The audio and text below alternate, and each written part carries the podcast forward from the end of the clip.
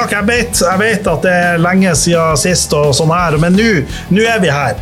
Vi har med oss Gunnar Eriksen, vi har med oss Marius Storvik. Vi er på en onsdag, vi er på en ukedag, vi er på mars i innspillinga. Jeg vet ikke når du kommer til å høre det her, men eh, sola skinner, det er vår ute, livet er fint. Hvordan har du det i dag, Gunnar? Har det fint. Vi er på Mars, vi er menn. Kvinner er på Venus. Hva er bedre?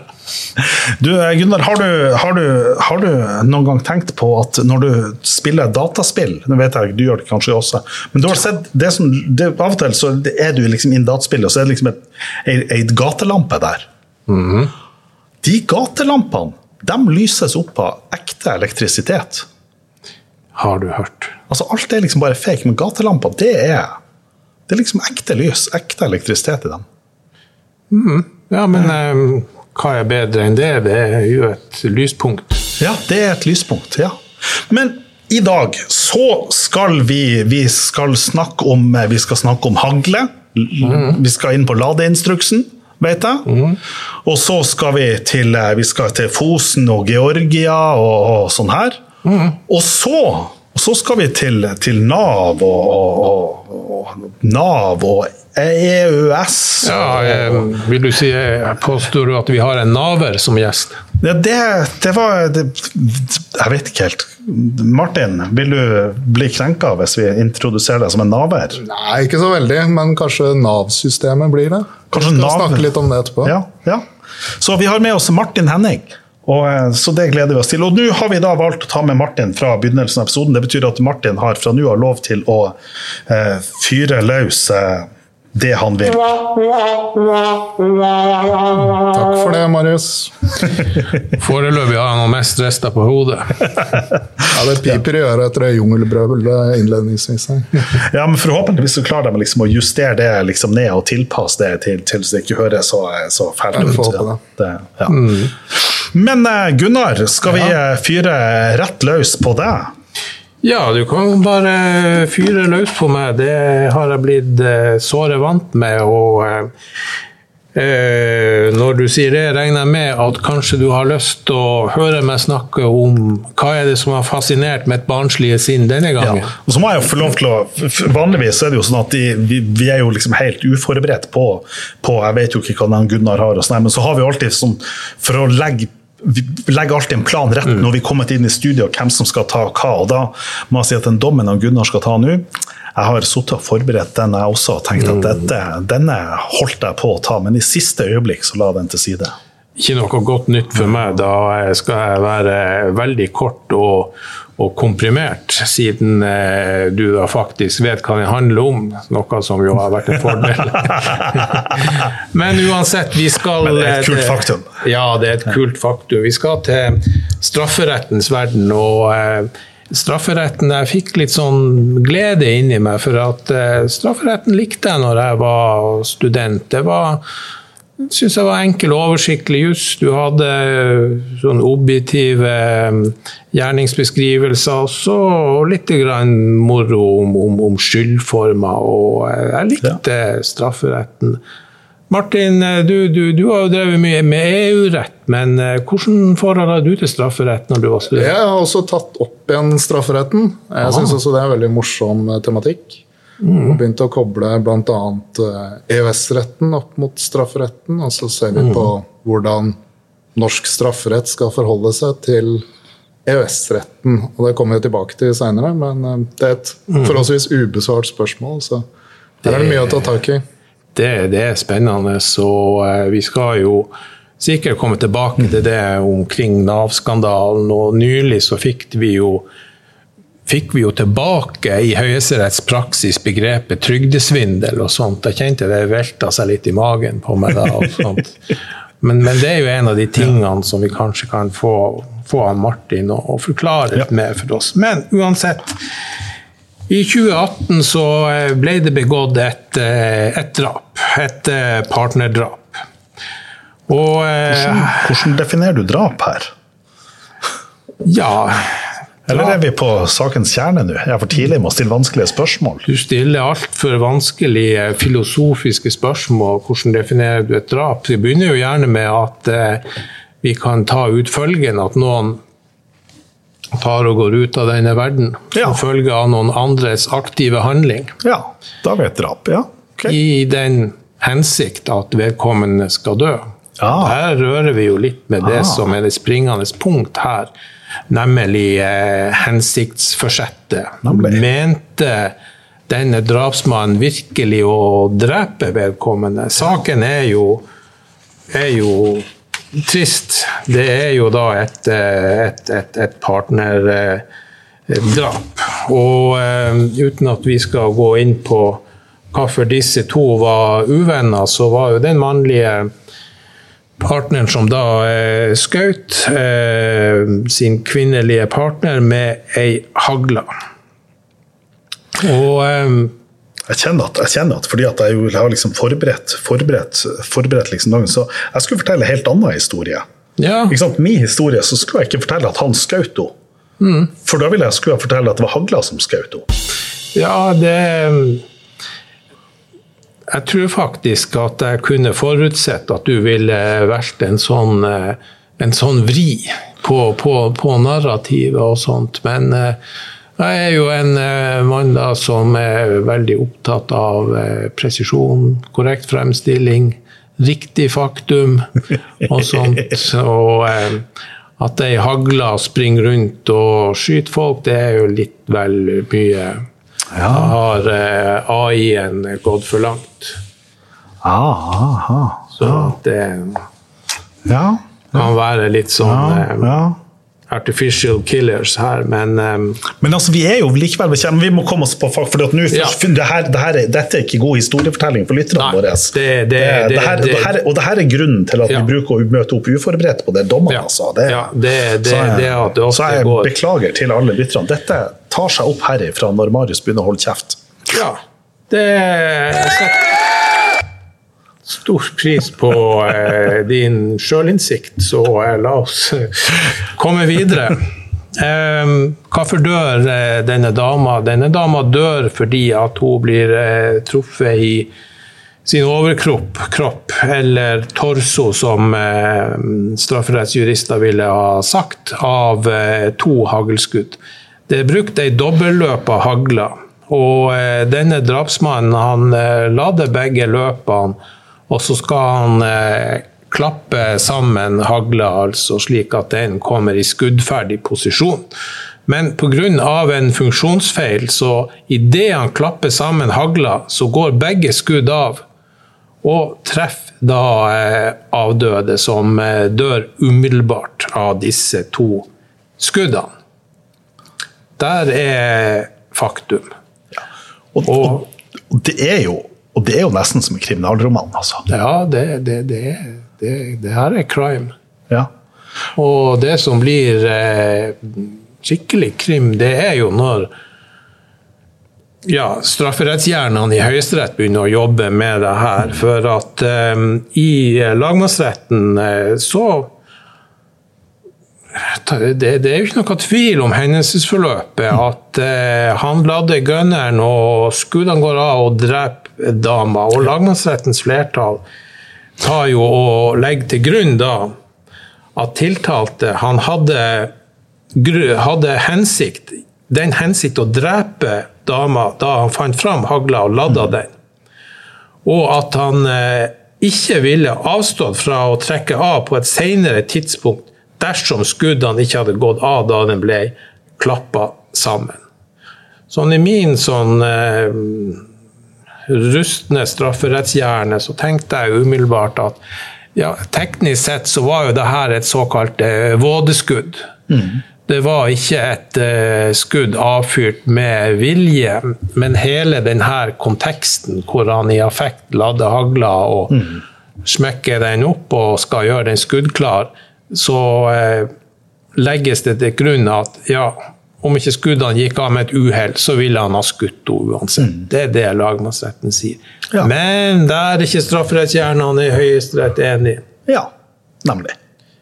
Men, men, men, det som, men det som likevel er interessant så langt i den faktumbeskrivelsen, at sånn som jeg har om dommen, så er det ubestridt at han, han har en plan. Det er grunnen til at han plukka opp denne hagla, grunnen til at han putta inn de her patronene, og grunnen til at han da tar dette ladegrepet, er fordi at han har tenkt å ta livet ut av ham.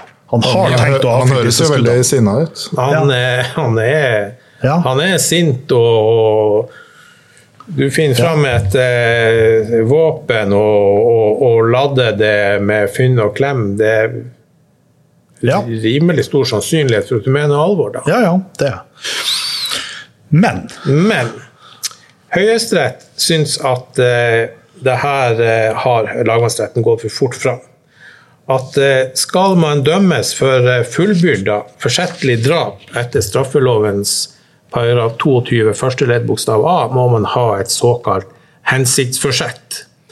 Og her kommer vi jo til all den her vakre tenkinga fra studietida om forsettet. Altså Forsettet til gjerningspersonen må dekke det virksomme elementet i drapshandlinga. Men la oss bare ta, nå skal jeg bare ta skrittet tilbake til våre lyttere som ikke har lært seg strafferett. Så er det sånn at For at noen skal bli straffa, så krever strafferetten den krever da eh, disse fem vilkårene for straffbarhet. Altså, du må ha begått det objektive eh, altså den, den, Du må overstege den objektive gjerningsbeskrivelsen i en straffehandling. Du må, ha et, eh, du må ikke ha en straffrihetsgrunn. Du må være eh, Tilregnelig. Du må være tilregnelig, og så må du ha tilstrekkelig grad av, skyld. Og så er det siste vilkåret som ikke bruker å stå i bøkene, det at du må bli tatt. Det er jo, eh, det er jo en grei forutsetning. Ja. Men, og så er det sånn at, og det vi da snakker om her, det er dette skyldkravet. Du må, skyld, skyld, du må være skyldig i det, og grunnen til det er jo fordi at man tenker at, at altså hvis vi skal straff, det må være en sammenheng mellom straff og skyld. ikke? Sånn at Det er på en måte det, det teoretiske. Vi skal ikke straffe noen for å ta livet av noen når det skjedde med et rent uhell. Ja, ja. Så, så det er på en måte det, er det vi er. og da, Ja, da har jeg gitt um, absolutt. Absolutt. Det, så skjer det med et rent uhell, f.eks., så, så kan man jo bli dømt for uaktsomt drap. Ja, og, og hva vi sier, vi hadde jo en, en, en sak som var i lokalavisa her nå for et par dager siden, hvor en person ble eh, kjørt ned og drept på en mørk landevei i Nord-Troms. Ja. Og eh, ja, altså Der eh, er jo ikke så mye kommet fram av omstendighetene, men for meg høres det ut som et klassisk uaktsomt eh, drap. Altså det er en mørk vei, Bare fortsett. Ja. og eh, den mørke veien eh, Kanskje personen som gikk på veien, gikk midt på veien, ikke på sida. Kanskje han var uten refleks, kledd i mørke klær. ja. Og bilen kommer eh, kjørende eh, Har jo lys, men eh, oppdager ikke personen eh, Ja. tidlig nok. Og det, det er uaktsomt. ja. Og, eh, og her så, eh, så kritiseres jo lagmannsretten for å ikke å ha identifisert eller drøfta hva den konkrete, relevante handlinga som forsettet måtte omfatte. Og lagmannsretten hadde heller ikke tatt stilling om tiltalte søkte å oppnå fornærmedes død med å klappe sammen eh, hagla. Så eh, med den uklarheten i lagmannsrettens eh, vurdering av skyldkravet, så tok Høyesterett og ikke hadde annet valg enn å oppheve mm. denne, denne dommen. Og, eh, så det er egentlig eh, Lagmannsretten gjør det, det Jeg begynte også å ta og tenke, på altså, det, her eh, rare dyret i strafferetten, det her dolus eventualis, altså at eh, at han eh, ville nok eventuelt ha drept henne sjøl om hagla ikke hadde misfired. Mm. Så det de skulle drøftet, var om han likevel da ville ha trukket av. da. Putta pekefingeren på avtrekkeren og trukket av. Ja, eller, om han, eller, eller det de kunne ha drøfta, var hvis han visste at hagla ville gå av idet han klappa den sammen, ville han da ha klappa sammen hagla på den måten? Altså Hvis de hadde drøfta det, Ja, Da er vi i dolus eventualis. sant? da er vi på dolus eventualis, og da, vil, og da vil terskelen for dolus eventualis være oppfylt, og da vil man på kunne si det. Men dette var ikke drøfta her. Det var ikke drøfta. Og jeg tenker jo også her at eh, det må jo på en måte også prøves å gå den veien der og, og finne ut altså hvor eh, Hvordan var hans mentale tilstand da? altså Hvor sint og i affekt var han? Eh, ville han da, hvis ikke skuddene har gått av, bare ladda hagla og, og kanskje, kanskje trua? Ja. Altså, det blir veldig hypotetisk. Ja. Nei, at, for det er jo Høyesterett sier sant, i den dommen, i den rettssetningen, sånn, så det de da gjør, så går han gjennom og så peker han på alle de trinnene hvis man på en måte skal gjøre det her drap. Du må finne fram hagla, du må putte inn patronene, du må eh, lukke henne igjen, du må avsikre, du må rette der mot henne, og du må på en måte putte, røre fingeren på avtrekkeren. Og så er det man da gjør, det så argumenterer han sier at fra etter at du på en måte har klappa den sammen, så er det flere skritt som gjenstår. Og så er det spørsmål på, på hvilket tidspunkt er det man på en måte skal trekke seg tilbake fra handlinga. Og så sier man at fordi at, at hensiktsforsettet, altså forsettet handlinga, er jo det å trekke fingeren på avtrekkeren, så sier han at fordi at det er flere skritt igjen til det, så kunne han fortsatt trekke seg igjen herifra. Ja, det kan hende de ble venner igjen da, før han Ja, ikke sant? Det, det, man kunne, av. nemlig. Sånn at vi kunne på en måte ha sett for oss mange skritt her igjen. Um, og Derfor så tenker jeg at i prinsippet så er jeg jo, så er jeg jo enig i Høyesteretts i deres drøftelse. For jeg tenker at han kunne trukket seg tilbake. Ja. Men så kunne man, men det man jo kunne ha gjort her, det lagmannsretten kunne ha gjort i dommen, som de ikke gjør, det er å drøfte spørsmål om dolus eventualis på sammenklapping av hagla. Men det gjør de jo ikke. Ja, men eh, Kunne Mart- de gjort det? Martin har uh, vært i lagmannsretten, og uh, han, han Ja, de, de kunne jo selvfølgelig gjort det, men uh, det er jo ikke vanlig at hagla går av med begge skudd idet man klapper den Nei, det er jo ikke da, det. Altså, om de ville kommet til et annet resultat der, det vet jeg ikke.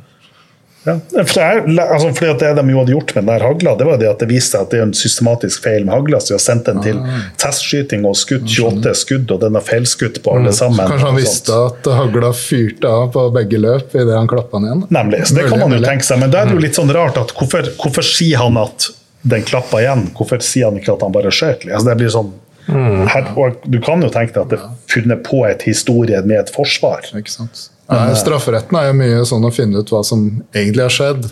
Sånn Finjuridisk er ikke alltid like man, altså, Lekfolk har jo ofte de samme forutsetninger for å finne ut hva som faktisk skjedde, som vi jurister har. Så. Ja. Men, men, ja. men jeg tenkte på denne dommen. Så tenkte ok, jeg, jeg går inn på Coop Extra. Jeg går inn dit og jeg skal stjele en sjokolade. Så jeg plukka en sjokolade, jeg putta den i innerlommajakken min. Har jeg stjålet sjokoladen da? Det vil jeg si at det har jeg jo ikke. Nei, det, det, det, det, har du ikke. For jeg vil, si at, jeg vil si at jeg må på en måte ha beveget meg gjennom kassa. Ja, absolutt. Jeg må, når jeg har beveget meg gjennom kassa, da, da har jeg på en måte stjålet sjokoladen. Sant? Ja, ja. Fram til jeg kommer til kassa, så kan jeg trekke meg tilbake. Det kunne jo være at du vil ha den på innerlomma fordi at, eh, at du, du tenkte at eh, det var nok best at du gjemte denne sjokoladen godt for ungene dine. Ja, nemlig. Og sånt, men at du hadde tenkt å betale. Nemlig. nemlig. Men, så, men så er det som da skjer, er, så er jeg da inne på Coop Extra har putta sjokoladen i innerlomma, og plutselig så får jeg et illebefinnende og faller om. og de ringer 113, ambulansen kommer hjerte-lungeredning, har blitt tradd på sykehuset. Og der inne på sykehuset så våkner jeg opp til meg sjøl igjen. Med sjokoladen på innerlomma. Har jeg da stjålet sjokoladen? Altså Hvis du fraktes ut av butikken Ja. med sjokoladen i lomma Ja. Altså, jeg har et hensikt om å stjele sjokoladen, men, Men jeg har ikke fullført det. Jeg kunne ha trukket meg tilbake på når som helst, men så skjer det noe hvor jeg ikke eh, gjennomfører handlinga, men hvor jeg plutselig befinner meg der. Har jeg da hatt fortsett med å gjennomføre dette tyveriet? ja, Det får vi ikke noe svar på før en sånn situasjon da blir avgjort av Høyesterett. Og det tar ca. tre år Ja. å finne ut av. Nemlig. Men jeg tenker, at, jeg tenker at i min historie her, så tenker jeg at i, det var min beste forsøk på å skape en parallell til denne haglehistorien. Ikke sant? At du har, ikke sant? Jeg har en plan, det er på en måte alt ligger opp til det, men du mangler på en måte det siste. Så er spørsmålet hvordan skal vi Ja, jeg tenker at uh, din etterfølgende atferd må trekkes inn her hvis du tenker da sweet. sjokoladen eh, fikk jeg med meg her, men ikke på den samme måten som jeg hadde tenkt. Ja. Og du tar også eh, beholder denne sjokoladen og sånt, så tenker jeg da blir det gjennomført. og sånt. Men hvis du da oppdager den sjokoladen og tenker å faen, jeg fikk aldri betalt, og går tilbake, så er det Ja, men hvis politimannen står der og, og, og plukker den av meg før jeg rekker å levere den tilbake og si åh, jeg ble så kjente på, på angeren på det, og derfor jeg fikk hjerteinfarktet mitt. Ja, så tenker jeg, du var jo i en, eh, du var jo i en nødstilstand da, eh, da det her skjedde, så jeg tenker det må være klassisk nødrettstilfelle. Men Gunnar, i denne dommen, hvor, hva, hva er din dom over dommen? Er du eh, Min dom over dommen? Nei, altså eh, Høyesterett eh, skal jo altså være altså gartnerne i rettens hage. De skal klippe plenen, de skal trimme busken, de skal klippe greiner og se at alt ser eh, pent og, og, og ryddig ut. Så eh, selv med altså, minimalistiske kunnskaper som sitter igjen i strafferett, så er min dom at Høyesterett tar også, også, også gjør det, det riktige her. At lagmannsretten er for kjapp på, på avtrekkeren. Og, og vi er jo på, på Vær så god. Vi er jo på eh, legalitetsprinsippets eh, område her, og eh, altså det skal jo eh, Det skal jo da eh, ta og, eh, og, og legges til grunn et, eh, et skyldkrav. Og eh, dette skyldkravet, hva vi si, eh, må jo både som hva vi si, den objektive sida av saken dekkes. Så slurv fra lagmannsretten og da litt flinkis strafferett fra Høyesteretts side er min dom. Ja, ja. Så, men så tenker, vi jo, tenker jeg jo at hvis vi nå tenker oss hva er egentlig konsekvensene, for da går den tilbake til lagmannsretten. Og så tenker jeg at ja, det, han blir nå i hvert fall drømt for uaktsomt drap, og hva er øvrige strafferamma på det? det Spørsmålet er vil han egentlig sone noe forskjellig tid på det her? Er det, Ja, med tanke på om det var med overlegg. ja. Mm. ja, det er jo Ja, det- det- strengere straff hvis han Ja. Hadde forsett om å drepe, og hvis det Ja. bare blir som drap. Så. Ja. Men nøyaktig hvor eh, strafferammen, den Ja. har jeg ikke i huet. Mm. Ja, Nei, men det er jo klart at det blir jo en nedskriving da fra Ja. et forsettlig Ja, til eventuelt til, til, til et uaktsomt. Men Ja.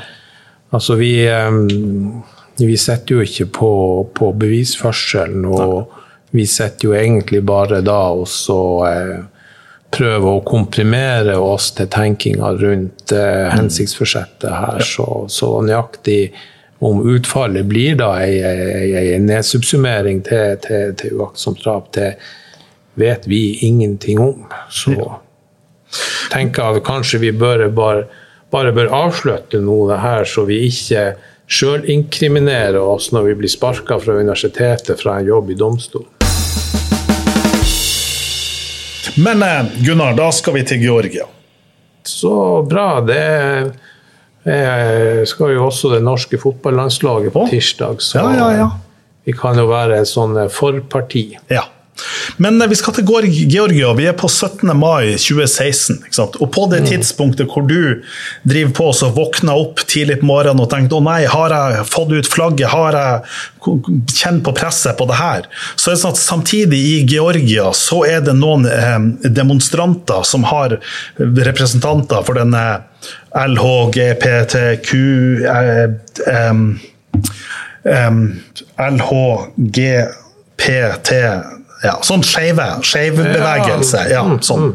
For, det har, for da har du en georgisk, en ortodoks kirke i, i Georgia, og så har du da demonstrasjoner mot den, hvor da den, disse skeivbevegelsene ønsker på en måte demonstrasjoner mot dem, og, og på en måte gjør det.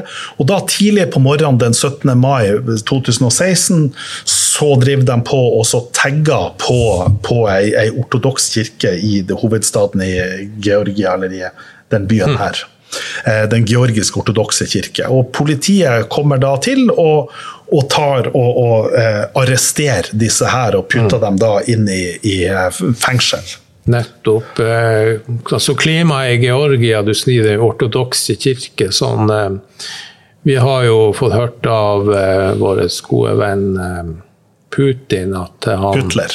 Putler han syns jo ikke så veldig mye godt om skeive, så Nei. kanskje det er litt, litt av den kulturen i Georgia Ja, ja.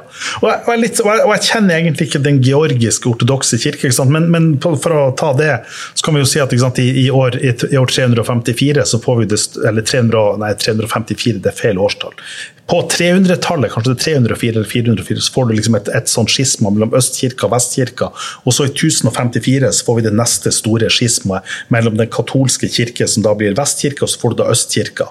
Men denne Østkirka den deler seg jo da opp i flere deler, hvor du da får den koptiske kirke, og så får du på en måte ulike patriarkat, hvor du da får et, et patriarkat i, i Hellas, og så får du et i Istanbul. Og så får du på en måte sant? og i dag så har du på en måte hovedvekta, har du på en måte et i Moskva, men så er jeg da usikker på dette, den georgiske ortodokse kirke, er den da under Moskva-patriarkatet, eller er den under, under et eget patriarkat, eller er den under greske, eller er den under den syriske? Det her vet jeg altså ikke. Men, Nei, det er helt gresk for meg. men jeg kan godt utlegge mer om det her, hvis du tror du noen av lytterne våre er interessert i det, eller tror du, tror du det er greit?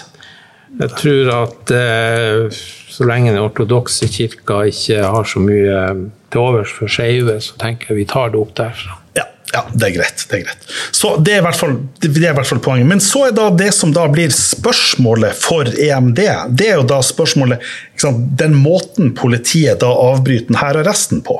Det politiet da gjør, er at de da griper inn og så si dem hei, nå må dere stoppe med der. Og så er det litt sånn diskusjoner. ikke sant, Stopper dem eller stopper dem ikke? Motsatte dem seg arrest eller motsatte dem seg ikke? Legitimerte politiet seg eller legitimerte dem seg ikke? ikke sant? Her har du på en måte ulike fortellinger. Ei fortelling fra politiet, ei fortelling fra demonstrantene.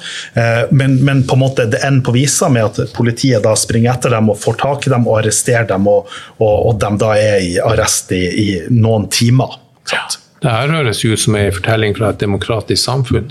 Det høres ut som en fortelling fra et demokratisk samfunn. Og så er jo det EMD da gjør, så er da spørsmålet har det da skjedd en Først er det på en måte anklage om at de har blitt misbrukt og slått i sånn arrest, og det avviser EMD. Det her er det ikke bevis for. Men det som på en måte er bevis for, det er at de har gjennomført en demonstrasjon som en politisk ytring, og så er det en bevis for at de så har blitt avbrutt demonstrasjonen, blitt plassert inn i en, i en politiarrest i noen timer. Og så er spørsmålet er denne bruken av en arrestasjon og en politiarrest som en reaksjon på denne demonstrasjonen, er det en frihetsberøvelse etter EMK artikkel 5? å oppfylle dette lovkravet, og kan den sies å være forholdsmessig?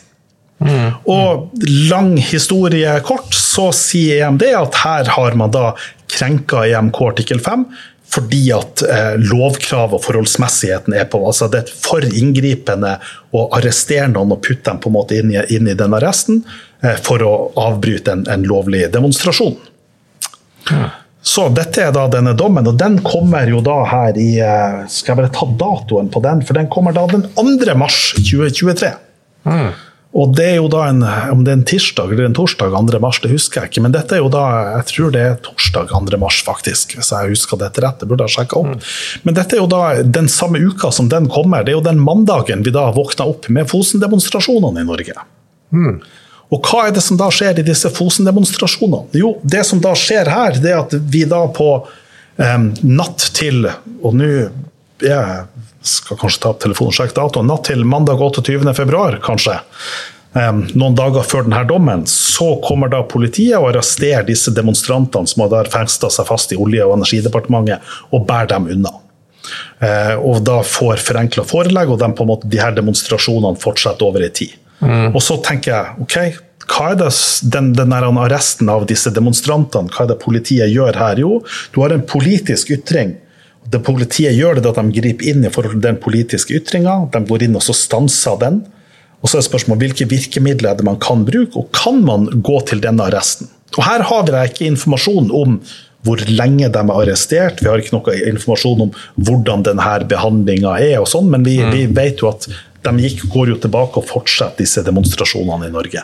Sånn at Forhåpentligvis så har jo politiet i disse Fosen-demonstrasjonene ikke gått over den samme streken som de georgiske, og i det georgiske så er det flere uklarheter i faktumet og sånn her. Men det illustrerer likevel poenget. Ja, jeg syns ja. Fosen-saken er veldig interessant. Og også veldig interessant å se på nøyaktig hvor disse demonstrantene befant seg da de ble arrestert. Fordi, eller Hvis de blokkerer inngangsdøra til uh, departementet, uh, det er jo skummelt med tanke på rømning osv., men hvis de lenker seg fast i lobbyen i møbler og mm. ulike andre ting, eller, eller, setter seg i en ring og lenker seg sammen til hverandre, så vil jeg si det er helt annerledes enn å ja, befinne seg et sted hvor det er farlig å være. Ja. Så, og Det er litt merkelig at de bryter opp, fordi i Fosen-saken så var det jo veldig klart at det foreligger et brudd på SB artikkel 27. Og, og da har man Det man prøver å oppnå, er jo å, å forhindre Altså stanse et pågående menneskerettighetsbrudd. Ja. Og så skal man da arresteres for det og ilegges bøter. Så det er liksom viktig å vite hvor var disse demonstrantene da de ble arrestert? Var det, var det en fare for liv og helse da de ble eh, hanka inn av politiet, eller var de uskyldige der de satt ja. Eh, i lobbyen på departementet. Og Beskrivelsen av disse første arrest, arrestene, så skjer jo dem på natta. De skjer jo natt til en mandag. Mm. Demonstrantene har festa seg utafor for å hindre inngangen til departementet ja. etter ei helg. Og så er også det jeg da leser i avisene Nå baserer vi det på avisene, så her er det selvfølgelig noen usikkerheter i forhold til faktum, men at, men at, det på en måte at de sier at, at nødutgangene er åpne, sånn at departementsansatte på en måte i prinsippet kan komme seg inn og ut. Ja. Altså. Nei, altså mitt beste råd til demonstranter er å, å, snike seg inn i lobbyen, finne et eller annet eh, møbel eller noe annet og lenke seg fast der, eventuelt å, å lenke seg fast i hverandre, sånn at man da ja. har mulighet til å, å, rømme bygget. Nå må det jo sies at De demonstrantene som da har lenka seg fast i møblene, vil jo selv ha et problem hvis det oppstår brann. eller noe sånt. Ja. Men ja, som sagt, nøyaktig hvor de befant seg, vil jo være avgjørende. her, tenker jeg. Da. Nei, så, så, men sånn som jeg forstår faktumet i den norske saken, da, altså i Fosen-demonstrasjonene, mm. så er det sånn at de eh, lenker seg fast på utsida av et tomt bygg for å hindre inngangen mm. til det tomme bygget. Og da tenker jeg det at du da og så er det også beskrevet at du har eh, nød, nødutganger som er også tilgjengelig. Ja. Mm. Og da tenker jeg at det, det, det Ja. det jeg tenker at dette er problematisk. Mm. Det kan være det. Um, Men skal være brannbiler og ja. sykebiler skal jo fortsatt ha tilgang til bygget. Så. Ja, ja. Det, så her, og det er på en måte en konkret forholdsvessel, men det her fører jo så over til du hoppa rett inn på Fosen-dommen, du hoppa rett inn på SP artikkel 27. Og, og jeg har tenkt at, at, jeg skal ikke gå inn og lese Fosen-dommen, og jeg skal ikke bruke den dommen i Juss og Joss. Jeg skal ikke gjøre den analysen ut av den, fordi at jeg er inne på at et en spesialisert juridisk kunnskap med analysen av hva sier den egentlig, hvordan skal den forstås, og hvordan skal dette forstås i forhold til forvaltningsretten og forhold til menneskerettigheter, det pågående eller ikke. ikke og Det er noen intrikate juridiske poeng hvor, hvor den grunnen til at Olje- og energidepartementet på en måte har vært tilbakeholden med å si at er dette et pågående menneskerettsbrudd, eller hva er det et fremtidig menneskerettsbrudd og sånn. Eh, jeg for, for, min del, bare hvis noen på en måte er i tvil på hva Marius Storvik tenker om det, så tenker jeg det at det er, dette er åpenbart et pågående menneskerettsbrudd. Og jeg tenker at det andre høres ut som eh, bort, eh, bortforklaringer. Men så vil jeg bare presisere at, at jeg, dette er ikke, akkurat det er ikke mitt ekspertområde. Sånn det, men det er på en måte min oppfatning. Men, men jeg tenker at oppfatningen er likevel relevant i forhold til mitt poeng. For at mitt poeng her er at hvor er rettsstaten i det her? Fordi at vi har et maktfordelingsprinsipp. Og det maktfordelingsprinsippet sier at Stortinget skal lage til lover. Regjeringa er den utøvende makt, og domstolene er den dømmende makt. Og Det som har skjedd her, det er at Stortinget har laga til noen lover. Og de lovene har jeg på en måte laga til på en ulike måter. Departementet, regjeringa har fatta noen beslutninger med utgangspunkt i de lovene. Og så har Høyesterett sagt at de beslutningene som regjeringa har tatt, at det er ulovlige beslutninger. Og det er klart, og da er jo systemet vårt laga opp på den måten at da skal jo regjeringa endre på disse beslutningene, oppheve det og gjøre det om. og her er jo problemet at det har man jo da ikke gjort. Og så har du ulike argumenter fram og tilbake, men i prinsippet så tenker jeg men er ikke dette et rettsstatsproblem? Eh, og når demonstrantene møtes opp med det og gjør en, et angrep på eh, denne, så tenker jeg ikke dette, et, ikke dette et lovlig angrep på det. Og, når, så tenker jeg, ja, men hvis, hvis vi hadde leka med tanken sett at nå demonstrantene hadde ikke tatt demonstrasjonen på Olje- og energidepartementet La oss nå si at demonstrantene hadde eh, tatt turen til Fosen og hadde tatt med seg dynamitt og hadde sprengt eh, ei vindmølle eller to. Mm. Så, eller, så tenker jeg OK, hvordan skal vi rettslig konstruere dette? Mm. Fordi at er dette er dette, er, dette, er dette, en lovlig struktur som står der? Og det at man da sprenger den, går til angrep på den, vil det være en nødrettshandling? Skal man kunne si at man var straffri i å sprenge den? Jeg nekter å tro at domstolene vil akseptere det. Men, Nei, det, det vil jo være en eh, ulovlig selvtektshandling alle ja. dager i året. Ja, Da går ja. man jo altfor langt i å opprette borgervern, og nemlig. til slutt vil det bli kaos. Nemlig. Og det, nemlig, og det, er jeg helt enig i, men, liksom, men på, et annet, på, et eller annet, punkt så blir det sånn ok, men, men hvis rettsstaten ikke respekteres på det her, så blir det som ok, men da, da har du spilt rettsstaten ut på sida. Og så tenker jeg det at, og det at, og det at man kan åpne opp en diskusjon rundt det, at jeg kan stille spørsmålet ja. um, mm. Da tenker jeg at Ja, det, det, du kan jo se det at at vi har en, ei, ei sentralforvaltning og et uh, politisk apparat som skal, ved siden av domstolene, forvalte rettsstaten, som, som ikke reagerer godt under press. Mm. Og det er bare å skru tida tilbake til koronaepidemien og til de her eh, koronalovene og alt sånt. Det er også et eksempel på at vi hadde en rettsstat som ikke fungerte godt under press. Og skrur vi tida enda litt mer tilbake, så tar vi vel kanskje og kan si at Nav-skandalen også er en, en, variant hvor rettsstaten eh, eh ikke fungerer under press. Mm. Og det det er han, eh, grunnen til at vi har plagd han Martin og, og tatt to timer av hans liv som han ikke Stakkars Martin. Jeg får jeg aldri tilbake igjen. Aldri tilbake igjen. Vi har tatt av og bortført han hit. Lovde han gull og grønne skoger og trua med at vi vet hvor han bor hvis han ikke ville komme. Ja. Er ikke det ham, da? Mm. Ja, ja, ja. Vi har jo adressen. ja, ja, ja.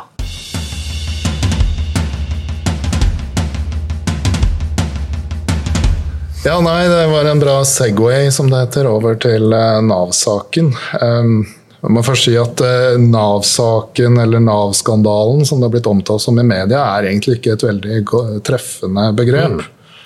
Fordi uh, et viktig argument som jeg har, og som jeg bringer fram på forelesning, er det at dette handler egentlig ikke så veldig mye om Nav. Dette handler om lovgivning og lovgiver og det handler om eh, Høyesterett og påtalemyndigheten i langt større grad enn eh, Nav, som er eh, forvaltningsorgan.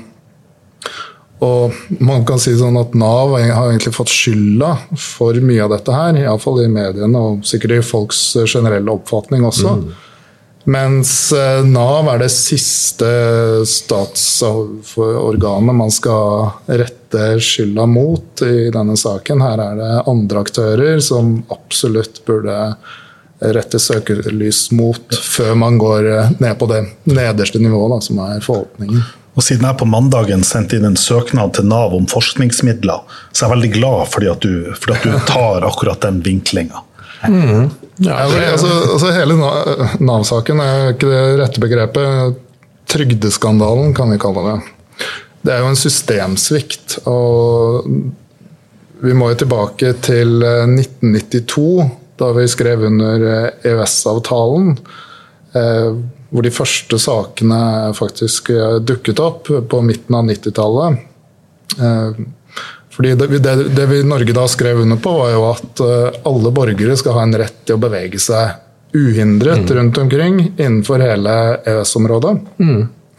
Og man skal kunne reise til Sverige, man skal kunne reise til Danmark, man skal kunne dra til Italia, Spania osv. Og, så og hvis man da er i den uheldige situasjon som eh, det tidligere har blitt eh, ansett å være, at man da mottar trygdeytelser, f.eks.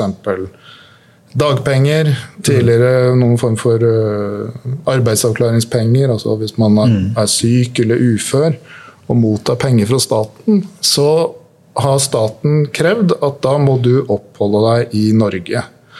Og de trygdeytelsene man får fra folketrygden, det er jo penger man har betalt inn tidligere når man har jobbet. Og så kan man ta det med seg ut og, og, og, fungere i samfunnet fordi man har blitt syk eller arbeidsledig eller hva det enn måtte være. Ja. Og man skal kunne fungere i samfunnet. Alle trenger jo penger for å leve. Må, jeg må bare få korrigere akkurat det her med innbetaling og utbetaling, for det er jo ikke det er jo ikke helt dekkende. Hvis jeg husker folkebudsjettet, så er det vel ikke ja, Det kommer helt an på hvor lenge du har betalt inn ja. til folketrygden. Da. Men det er jo en forsikringsordning. ikke sant? Det fungerer jo akkurat på samme måte som vanlig forsikringsselskap. Ja. Altså, hvis du er heldig i gåseøyne og bare jobba ja. noen få år, så vil du sannsynligvis få mer ut. Mm. Men hvis du har jobba hele livet ditt og plutselig mm. blir arbeidsledig, ja. Så har du betalt inn mer enn du Men Det som, det, det som var mitt bitte lite lille poeng, det er jo at denne, denne trygdeavgiften, ikke sant, hva det er 14,1 eller 1% som er trygdeavgiften, men det, de årlige utgift, overføringene fra staten til Nav de er på en måte på høyere enn trygdeavgiften. sånn at det ikke er det ikke et sånn én-til-én-forhold. Liksom, altså, den, det, det, du må ta det fra sak til sak. Noen kan ja. være heldige i gåseøynene, andre kan jo ha betalt mer inn enn de får ut. Men uh, det er fortsatt ikke poenget. Ja, ja. Um, ja, ja. det, det, kan slå ulikt ut da, i forskjellige tilfeller. Uh, hvor var jeg kommet hen? Ja, uh, og som sagt, Når vi da er med i dette EØS-samarbeidet, så innebærer jo det en rettighet til å kunne bevege seg fritt rundt omkring i hele Europa. Og hvis staten da lager lover eller regler som begrenser den eh, bevegelsesfriheten, så må staten gå inn og så må de begrunne hvorfor de har gjort det, og så må de rettferdiggjøre den restriksjonen på den frie bevegeligheten. Og I utgangspunktet så skal jo det da tilsi at hvis du mottar en eller annen form for ytelse fra folketrygden, så skal du da kunne dra til Sverige og handle, eller du skal kunne dra til Spania og kose deg på stranda osv. Mm. Eh, men slik det har blitt eh, praktisert, og fortsatt eh, praktiseres når det gjelder dagpenger, så er det en ordning hvor da staten bruker denne plikten til å oppholde seg i Norge som en sånn ris bak speilet, for å gjøre det mindre attraktivt å motta disse ytelsene. Slik at det ikke skal være så gunstig å motta ulike mm. former for trygdeytelser, og at folk skal liksom få et insentiv til å komme seg tilbake til arbeidslivet. Og så sier de ja, da får du ikke forlate Norge. Så i realiteten så er man jo da sperra inne innenfor Norges grenser så lenge man mottar disse mm. ytelsene. Og den tankegangen er jo da i strid med det prinsippet vi har innenfor EØS-retten, at man skal kunne bevege seg fritt eh, innenfor hele EØS-området.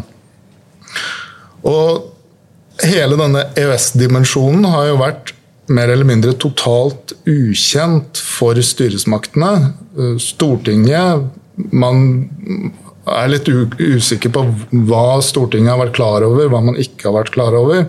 Det har vært skrevet en del utredninger, som noen av dem har jo lenge vært prøvd og blitt holdt hemmelig, slik at man ikke skal få innsyn i dem. Vi har fått innsyn i det meste nå etter hvert, men det er jo fortsatt uklart hva departementer, Stortinget har, har visst og ikke visst. Men eh, noen har iallfall vært klar over denne EØS-dimensjonen. Andre har ikke vært eh, klar over det. Nav har stort sett ikke vært eh, klar over denne EØS-dimensjonen. Man har andre mm, apparater, statsapparater, sånn som Trygderetten, som har vært klar over dette men eh, ikke da eh, viktige aktører. Og særlig Høyesterett har også vært totalt ukjent med mm. hele EØS-problematikken som knytter ja. seg til bevegelighet på tvers av landegrensene. Det her, det her jo, jeg syns det her er kjempeinteressant. Altså, for, for jeg, har jo, jeg, har jo, eh, jeg har hatt forelesning i trygderett. Ja. Og da er det sånn at de, I de temaene som er på en måte står i, i, i Trygderetten, som man på en måte har fokusert på her i, i Tromsø, på, på, pensum her, det har jo da vært eh, uføretrygd, og så har det vært eh, stønad til enslig, enslig forsørger, eller enslig mor eller far. Ja.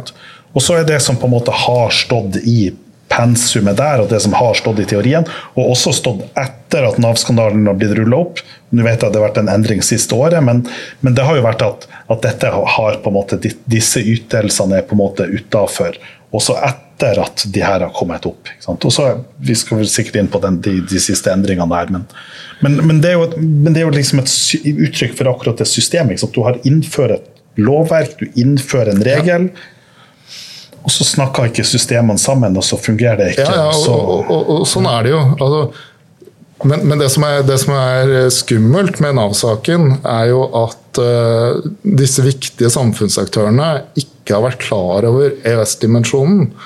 Og de, dette har jo ført til at uh, nå er det vel uh, noen og 80 personer på uriktig, totalt uriktig grunnlag har blitt dømt til straff. Flere av dem har blitt putta i fengsel. Og så man ser at staten påfører individer straff, en frihetsberøvelse, for ting som overhodet ikke er ulovlig. Og I norsk rett så er det jo sånn at uh, etter folketrygdloven så oppstilles et uh, oppholdskrav i Norge. Man må befinne seg innenfor Norges grenser, f.eks. tidligere da. Hvis man mottok arbeidsavklaringspenger, som er noe du får hvis du blir ufør eller syk, og Hvis du da forlater Norge, drar til Italia eller Spania og blir oppdaget, så blir du dømt for trygdebedrageri og blir putta i fengsel og får et tilbakebetalingskrav. Men som dere sikkert vet, så er jo EØS-retten har jo forrang foran norsk mm. rett. Og her har man da etter hvert tolket det slik at uh, å kreve at folk oppholder seg i Norge mens de mottar arbeidsavklaringspenger, Eh, det er ulovlig. Det er i strid med den frie bevegelighet. Eh, og da setter EØS-retten all norsk lovgivning til side. Setter folketrygdloven til side. Setter straffeloven til side. Og man kan ikke dømmes da mm. etter eh, disse bestemmelsene i folketrygdloven og straffeloven.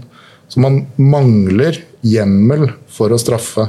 Mm. Og dette er jo dette legalitetsprinsippet som krever at man må ha en hjemmel for å straffe noen.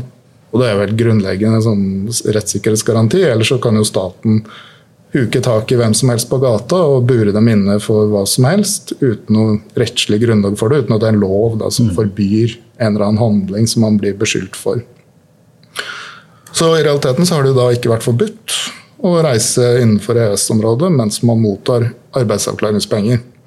Og da tenker jeg Det er en sånn helt grunnleggende eh, vurdering som må tas. Og hvis man da ser på denne mest kjente navet Nav-en i dette store eh, Nav-saken, i dette store komplekset, eh, så var det jo slik at Høyesterett stadfestet en dom hvor en kar hadde vært i Italia og ble oppdaget mens han mottok arbeidsavklaringspenger. Ble oppdaget av systemet. Og han ble dømt til 60 dagers ubetinget fengsel og måtte da betale tilbake, pluss en bot, hvis ikke jeg husker feil. Og denne saken ble jo da klaget inn til, anket inn til Høyesterett og slapp inn der. Og Høyesterett stadfestet jo da avgjørelsen fra lagmannsretten. Problemet var at Høyesterett ikke engang vurderte EØS-dimensjonen. De gikk ikke inn og, og, vurderte om dette var en rettighet man hadde etter EØS-retten, som da setter til side disse norske bestemmelsene. Men vet du hvordan det var hvordan, vet du hvordan det var argumentert i den høyesterettssaken? Hva eh, brukte man EØS-retten? Nei, altså EØS er ikke nevnt i det hele tatt i Høyesterett. Eh, det var han Jon Christian Elden som førte saken, så vidt jeg husker. Eh, og dette ble vel tatt opp i lagmannsretten. Men Eh, for Høyesterett så slapp uh, saken inn. Uh, det eneste Høyesterett slapp inn, det var jo straffeutmålingen. Altså at de, ikke, de gikk ikke inn og vurderte dette um, lovspørsmålet. Det, det, var bare en sånn del, deler av avgjørelsen som ble tatt inn i, i Høyesterett. I etterkant så sa jo høyesterettsjustitiarius uh, Toril Øie at uh, ja, men saken var, gjaldt jo bare uh, Vi slapp jo bare inn spørsmål om straffeutmålingen. Og vi, i Høyesterett, når, vi bare ser på straffeutmålingen, så har vi ikke noen plikt til å vurdere om det er riktig rettslig grunnlag, om det er i det hele tatt finnes en hjemmel for å dømme til, for straff. Men da saken ble gjenåpnet og avgjort i 2021, så tok jo da Eh, Høyesterett i storkammer tak i dette spørsmålet og sa at selv om eh, anken bare er sluppet inn for, for en ny vurdering av straffeutmålingen, så har Høyesterett likevel en selvstendig plikt til å undersøke om det foreligger en hjemmel for å straffe folk. Men, men jeg tenker at altså, jeg har, jeg har, det er en sak som, som, jeg har, som, jeg har, sett på i Høyesterett, som er på et, på et annet område. Og, der, og der, I den saken så var jeg, eh, da fulgte jeg prosedyrene, så jeg var på en måte i Høyesterett og så prosedyrene i saken. Og jeg, etter min vurdering eh, så hadde jeg sagt til advokaten på forhånd at du må prosedere saken på det her. og hadde men jeg hadde vært litt dårlig å formidle budskapet mitt til han, så han fikk ikke det med seg. Han lot være å prosedere på det. Og regjeringsadvokaten tok det heller ikke opp. og Høyesterett aktualiserte det heller ikke. og Høyesterett kom til en avgjørelse av og jeg mener at denne avgjørelsen av var en uriktig avgjørelse eh, basert på andre rettskilder. Jeg mener at Basert på hvordan saken var prosedert i Høyesterett, så mener jeg at det var en riktig avgjørelse Høyesterett kom fram til. Men fordi at eh, de menneskerettslige spørsmålene til EMK ikke var belyst, så mener at, altså jeg mener at saken skulle fått et annet utfall hadde den blitt behandla etter EMK-spørsmål. Mm. Og I denne saken som, som, jeg viste her, så er det jo et indispositivt spørsmål. Mm. Det betyr at det Høyesterett har hele bevisvurderinga, kan vurdere alle spørsmålene. og Det er jo lignende i den straffesaken. ikke sant? Høyesterett har ansvaret. Men samtidig, hvordan kan Høyesterett vurdere noe når det ikke er prosedert. Ikke du kan på en måte kritisere dem ja. for å ha stilt spørsmål, og, og sånn her, men, men vi er på ja, sant? Ja, altså, hvis Høyesterett sier ja, vi, vi, skal ikke vurdere lovanvendelsen, vi skal bare mm. se på straffeutmålingen. I noen tilfeller så blir det for enkelt ja. å bare si det helt uh, kort og greit. Sorry, vi, ikke, vi skal ikke vurdere noe, noen viktige lovspørsmål her. Vi skal bare se på skal han ha 60 dager eller skal han ha 75 dager i fengsel. Uh, men, men de, for å ta EØS-retten som eksempel, så har EU-domstolen sagt at i, hvis det er viktige EØS-rettslige eller EU-rettslige spørsmål som skal vurderes, så må domstolen på eget tiltak, ja. eget, på eget initiativ gå inn og vurdere disse spørsmålene. og Domstolene kan ikke bare eh, sette seg tilbake og si sorry, det er ikke anket over eh, mm. lovanvendelsen. Og, og, og, så enkelt er det ikke, og, og det sa jo Høyesterett uh, i, i, plenum ja. den, da saken ble tatt opp. At her måtte, skulle Høyesterett faktisk ha gått inn og vurdert disse EØS-rettslige spørsmålene. Og så har man andre grunnleggende menneskerettigheter jeg, som jeg også mener at domstolene må mm. gå inn og vurdere. Og det gjelder særlig dette med legalitetsprinsippet. altså Fins det faktisk en hjemmel for å straffe noen her? Mm. Eh, det må du alltid ta stilling til. For du kan ikke sitte og utmåle en straff på uriktig grunnlag, eller totalt manglende grunnlag, sånn som vi så i den første eh, Nav-saken fra 2017. Du kan ikke sitte og utmåle en straff når det ikke engang finnes en lovhjemmel for å straffe tilfellet. Så da må de gå inn og gjøre det. Så kan man se er det noen andre grunnleggende menneskerettigheter som kanskje mm. også burde vært vurdert, eh, selv om man men, bare vurderer straffeutmålingen. Men, men altså, jeg, det jeg syns er interessant i det her, for det jeg synes er interessant er dette systemet og jeg, og jeg, er enig, jeg er helt enig med deg i jeg, jeg, jeg, tror ikke jeg er uenig i noen ting du sier. Nei. Um, ja. Men, men det, det, jeg på en måte lurer på, og det jeg tenker på, det er at for, for, det det her viser, er jo det at har, vi har hatt et systematisk problem. Og, og, det er ingen av de systemene som vi har hatt, som på en måte har vært i stand til å, til å korrigere det, til å plukke det opp. Uh, og så kan vi på en måte gå inn på enkeltdetaljer og så kan vi si at her er det ting som tyder på at ting har aktivt blitt skjult. At det er blitt foretatt bevisste vurderinger. Regjeringsadvokaten har, har eh, jobba hardt for at, for at statsministeren sitt kontor ikke skal legge fram disse, disse dokumentene. Og, og, vi har fortsatt ikke det hele bildet. Og det, man, og det malte et bilde ut av at departementet har hatt en kunnskap, at departementet har latt være å dele den kunnskapen, og at departementet har holdt tilbake en kunnskap. Og det, og, det, males et bilde av, av, en straffbarhet og grove overtramp i forhold til vår ordning. Og så Er det sånn at er dette på et politisk nivå, er det på et embetsnivå? Hva har ministeren? Her var det vel Anniken Hauglie som var minister på den tida. og det er på en måte, det, liksom, Ting tyder på at ministeren skulle ha visst. Ja. Ting tyder på at ministeren som øverste ansvarlig ja, altså, kan holdes ansvarlig, men det er ikke mulig å skaffe beviser på det her. Nei, nei, nei. Men, og, og, og, Jeg har ikke tenkt å rote meg inn i noen diskusjon om hva som noen har visst og hva man ikke har visst. Altså, poenget er at det er en sånn systemsvikt her. Og, og, det som man ser nå, det er jo det at nå har Høyesterett akkurat avgjort eh, dette dagpengespørsmålet. Hvor de etter en finurlig tolkning fram og tilbake av EUs sekundærlovgivning, disse såkalte trygdeforordningene, mm. har klart å komme fram til at man likevel kan straffes for å ha mottatt dagpenger hvis man reiser over grensa til eh, Sverige. Oh, ja. og, og, og, og, dagpenger er jo noe du får når du er arbeidsledig, for å, til livets mm. opphold osv.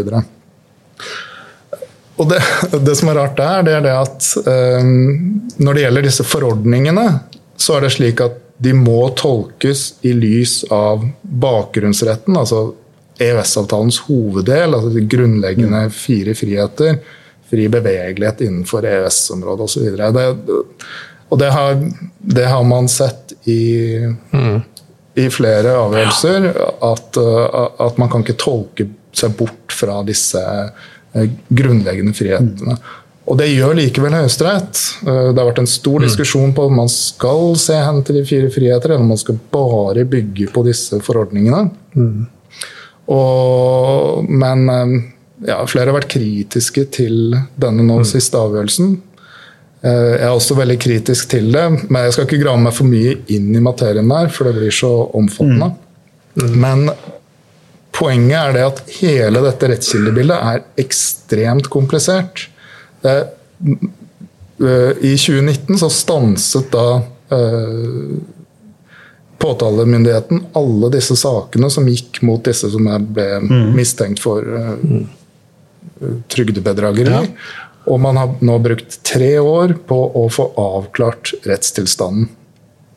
Og dette har vært totalt ukjent for Høyesterett, men man har ikke vært klar over det i det hele tatt. Men allikevel så kommer man nå fram til at i noen tilfeller så skal man anvende straff eh, overfor de som da har beveget seg over grensa til Sverige eller Danmark eller hva som helst. Eh, men det, det er en problemstilling som har vært mm. helt ukjent tidligere. Man, jeg mener at dette er i strid med såkalte legalitetsprinsippet og dette klarhetskravet, mm. hvor man krever at man må ha en viss sånn klarhet mm. i rettssituasjonen eh, før man da i det hele tatt kan straffes for mm. noe. Ja. Det er jo et homogenitetsprinsipp, og, og vet vi om andre EU-land straffer hva vi sier, de som drar utenlands med tilsvarende ytelse? Um, der er det en del uh, ulik praksis fra EU-domstolen. Uh, man kan uh, EU-domstolen går inn og vurderer dette ut, opp mot det såkalte forholdsmessighetskravet.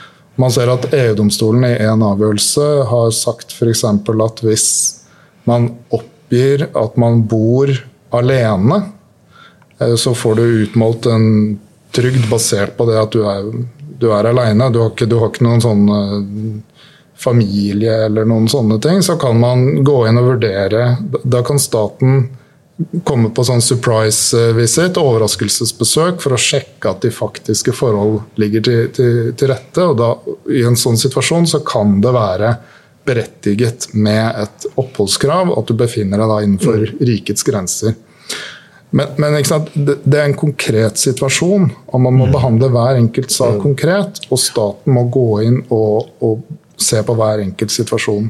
Yeah. I det, bare si kort, I den siste dagpengesaken så gjaldt uh, altså De kravene som var oppstilt der, det var det at man måtte melde seg hver 14. dag. Fylle ut dette, Man har en meldeplikt og forklare hva man har gjort, mm. om du har vært aktiv arbeidssøker osv.? Hvor har du vært? osv.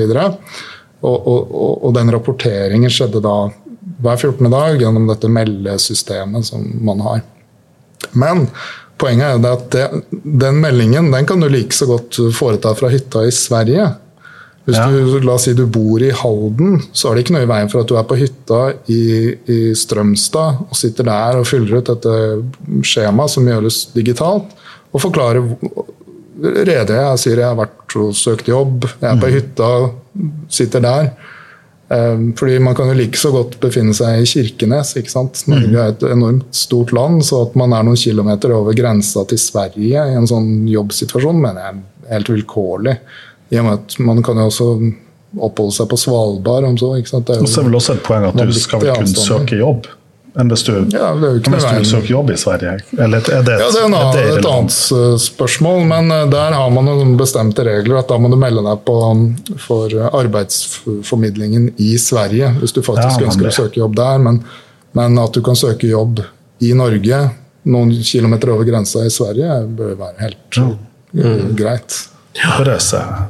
ja. Um, et lite spørsmål. Vi har snakka mye om straff, men kan man med å dra utenlands med en ytelse ikke lenger oppfylle vilkårene for å få ytelsen, og kommer det i strid med EØS? Ja, det er jo det man eh, har sagt da, i mm. disse mm. Nav-sakene. At uh, da mister du retten da, til hele ytelsen. Ja. Altså, må du betale ja. tilbake, eventuelt havner i fengsel. Ja, men uh, det kan jo tenkes tilfeller der man bare lenger ikke kvalifiserte ytelsen men at man, ikke, at man unngår å bli straffa. Ja, altså, de har også hatt et system med forhåndsgodkjenning. Mm. Vil si at du må be om tillatelse til å reise mm. utenlands, noe som strengt tatt burde være en, eh, en, en rettighet som man har innenfor mm. EØS-området. Eh, Men eh, det er, det er ulike ordninger der. Ja. Nei, sånn er det i Europas siste kommuniststat. Men jeg må bare dra en sånn over til rettssosiologien og til, til, hele det der landskapet. Fordi at, for at man, altså man, snakker om det som kalles rettslig pluralisme. Ja. Og, det, og, Ideen i rettslig pluralisme er jo det at, sant, at vi har på en måte et enhetlig rettssystem sant, der Høyesterett dømmer i siste instans med den metoden som vi underviser og jobber med på jusstudiet, og den metoden domstolene jobber med. Ja. Men samtidig så anerkjenner man jo det at innenfor alle de ulike systemene, så er det sånn at f.eks. da innenfor Nav-systemet, så er det sånn at det er ikke alle saksbehandlerne som er fullt ut kompetente jurister. Og Dermed så vil du på en måte kun få beslutninger og avgjørelser innad i et Nav-system ja. som vil, ikke vil være de samme beslutningene som det Høyesterett vil komme fram til. Og Dermed så vil du på en måte kunne få ulike strømninger, ulike rettsforståelser, ulike praksiser. Ja. Og så sier vi jo det at, at i prinsippet er det sånn at, at, alle de her skal følge den samme metoden, så at Høyesterett skal kunne sensurere det her og skal følge den samme metoden. Og så er jo det jeg da ser sant, i denne Nav-skandalen, så kan vi på en måte forstå og akseptere at Nav har en ulik praksis, og at, vi på en måte, at det utvikles en ulik praksis. Det er på en måte naturlig. Mens det som, det som på en måte synes for meg å være et systematisk problem her, det er at man ikke har systemer som klarer å avpasse dette. Ja. Og, at, og, at, når rettskildebildet kompliseres, så klarer man heller ikke å få de her systemene til å snakke sammen. Ja. Så hva er det som gjør at at man ikke har vurdert EØS-retten godt nok imot Nav-systemet, og hva er grunnen til at Trygderetten sine avgjørelser ikke har blitt sendt tilbake til Nav-systemet, og hva er grunnen til at advokatene og de her sakene ikke har kommet inn for EFTA-domstolen? Altså, jeg tenker at Her er det noen systematiske svakheter. Nei, det, det, det, det, er ikke noe godt svar på det. Og, og som sagt, Det har vært litt sprikende praksis innenfor Nav-systemet. men min oppfatning er at hovedgrunnen er at man ikke har vært klar over EØS-dimensjonen. Mm. Og dette har ikke vært kjent, og man har ikke klart å formidle dette gjennom rundskriv på en tydelig ja. nok måte osv. Mange gode grunner der. Ikke kommunisert. Men, men, men, det jeg tenker kanskje kan unnskylde eh, Nav, eh, det er det at eh, man er på forvaltningsnivå. Man er ikke over mm. i denne straffedimensjonen. Ja.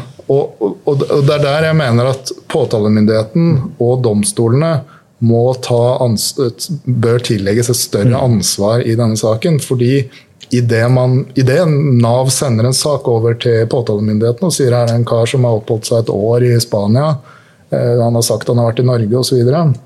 Han her tenker vi bør straffes ikke sant? Mm. for trygdebedrageri.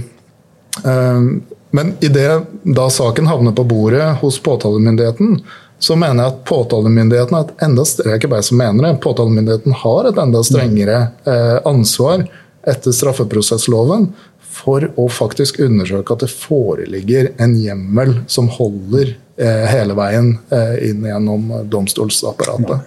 Og kommer det til Høyesterett, at Høyesterett da ikke engang drøfter disse EØS-spørsmålene, det er jo det er der skandalen strengt tatt ligger. Mens forvaltningen kanskje du kan ha et litt sånn større slingringsmonn til å, å, søke å få avklart disse problemstillingene mm. idet de sender det fra seg til påtalemyndigheten, mm. og så tas det inn i domstolen. Så siste ord er altså at påtalemyndigheten og domstolene hadde en mulighet til å rydde opp, og de gjorde det ikke. Ikke bare mulighet, de hadde en plikt til å ordne opp med tanke på dette legalitetsprinsippet som vi har i norsk rett. Tusen takk, Martin. Tusen takk, Gunnar. Ha en fin dag, kjære lyttere. Husk at sola skinner, og ta en tur på ski.